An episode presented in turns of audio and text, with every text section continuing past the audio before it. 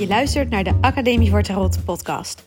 Mijn naam is Christa en ik deel heel graag al mijn tarot-ideeën, kennis, filosofische gedachten en creatieve tarot-inspiratie met jou, zodat ook jij het heft in eigen hand kunt nemen met de kaarten. Welkom, welkom en leuk dat je weer luistert. Uh, mijn kindje zit bij me, dus als je babygeluidjes hoort, dan klopt dat. Um, ik wilde vandaag vertellen over gedachten die ik had naar aanleiding van een toneelstuk waar ik gisteren ben geweest. Ik ben voor het eerst in lange tijd weer eens naar het theater geweest. Ik heb het echt best wel gemist, merkte ik. Ik vond het zo leuk om weer eens gewoon echt naar een uh, toneelstuk te gaan. En uh, nou ja, dat heeft me. Dit toneelstuk zette echt aan het denken. Dat vond ik tof.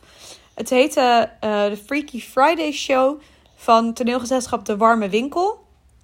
En nou ja, als je het nog wil opzoeken, ze spelen nog in maart. Dus uh, dat kan nog. En tenminste, volgens mij had ik gezien op hun website. Uh, de, eigenlijk ging het toneelstuk een beetje over de vraag: kun je als acteur iedere rol spelen?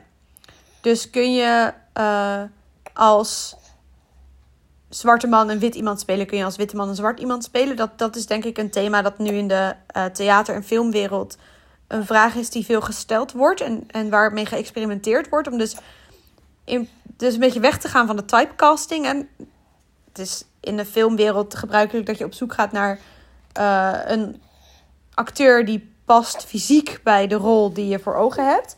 En de vraag is dus, kun je iemand spelen die fysiek heel anders is dan jij? En die uh, ook misschien wel, niet alleen fysiek, maar ook mensen met een andere achtergrond dan jij.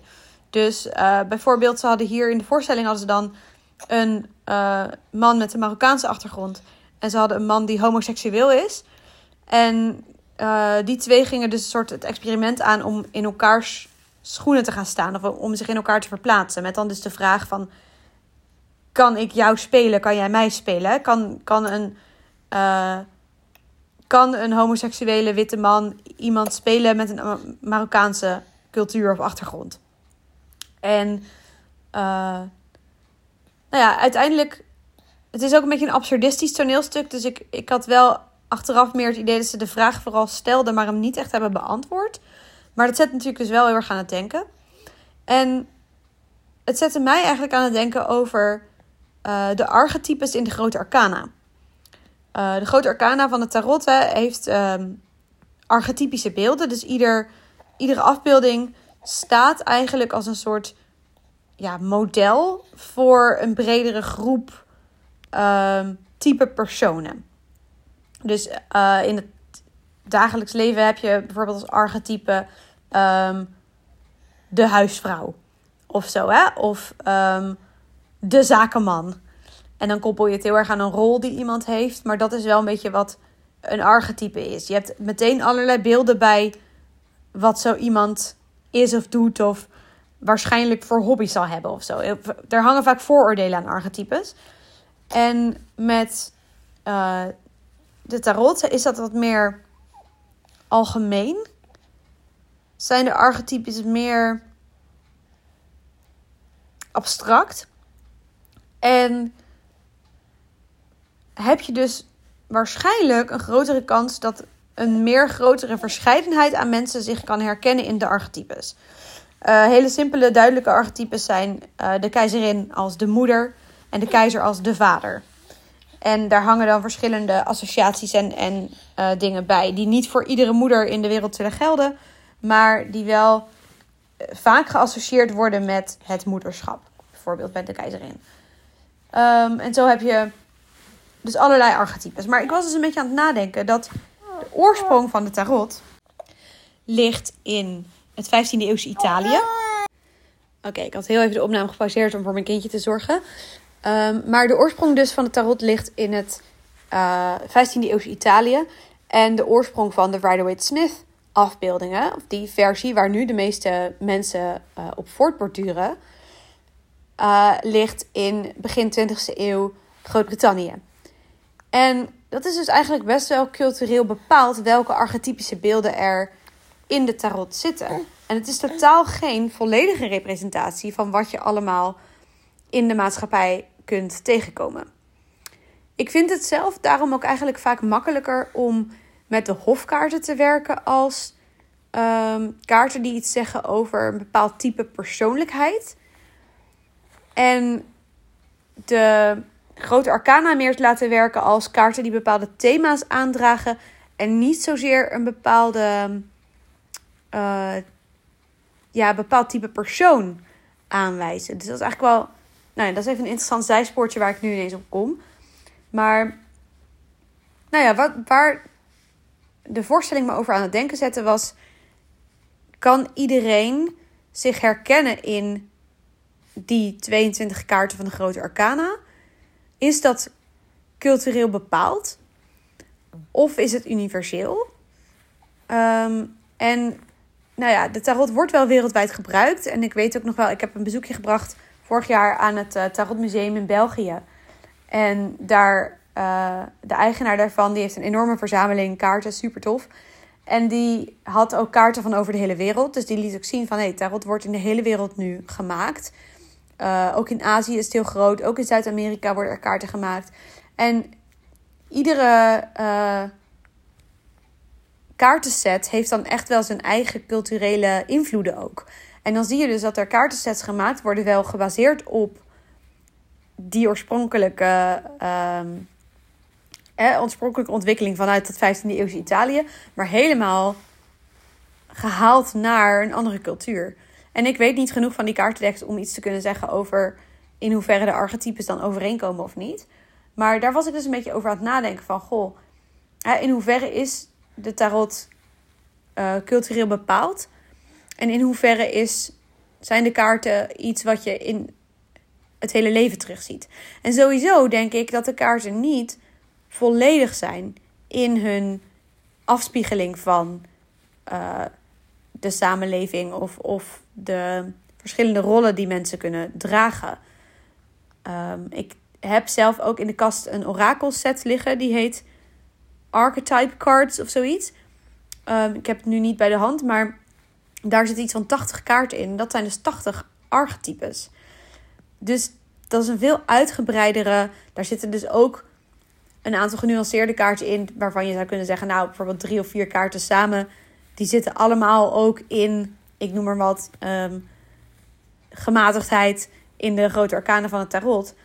Uh, daar kun je het in terug herkennen. Dus dan is in het tarot zijn het meer grotere paraplu-kaarten. En die orakelset heeft dan meer detail-archetypes. Um, maar goed, de, de vraag blijft een beetje staan van... hey, in hoeverre zijn de kaarten eigenlijk een ja, correcte... Is, is misschien het verkeerde woord, maar een allesomvattende representatie van uh, de verschillende rollen die mensen kunnen spelen of de verschillende um, archetypes waarin mensen zich kunnen herkennen. En ik denk dat het tarot niet volledig is. En dus ook best wel cultureel bepaald is. En dat is waar, waar ik dus over aan het denken gezet werd. Naar aanleiding van die voorstelling. Ook al ging die voorstelling dus niet per se hierover. Maar ik had wel een beetje zo'n zo'n beeld in mijn hoofd van ja, als je reflecteert op de kaarten, dan houden ze je een soort spiegel voor. Dus jij gaat kijken wat in die kaart herken ik in mezelf.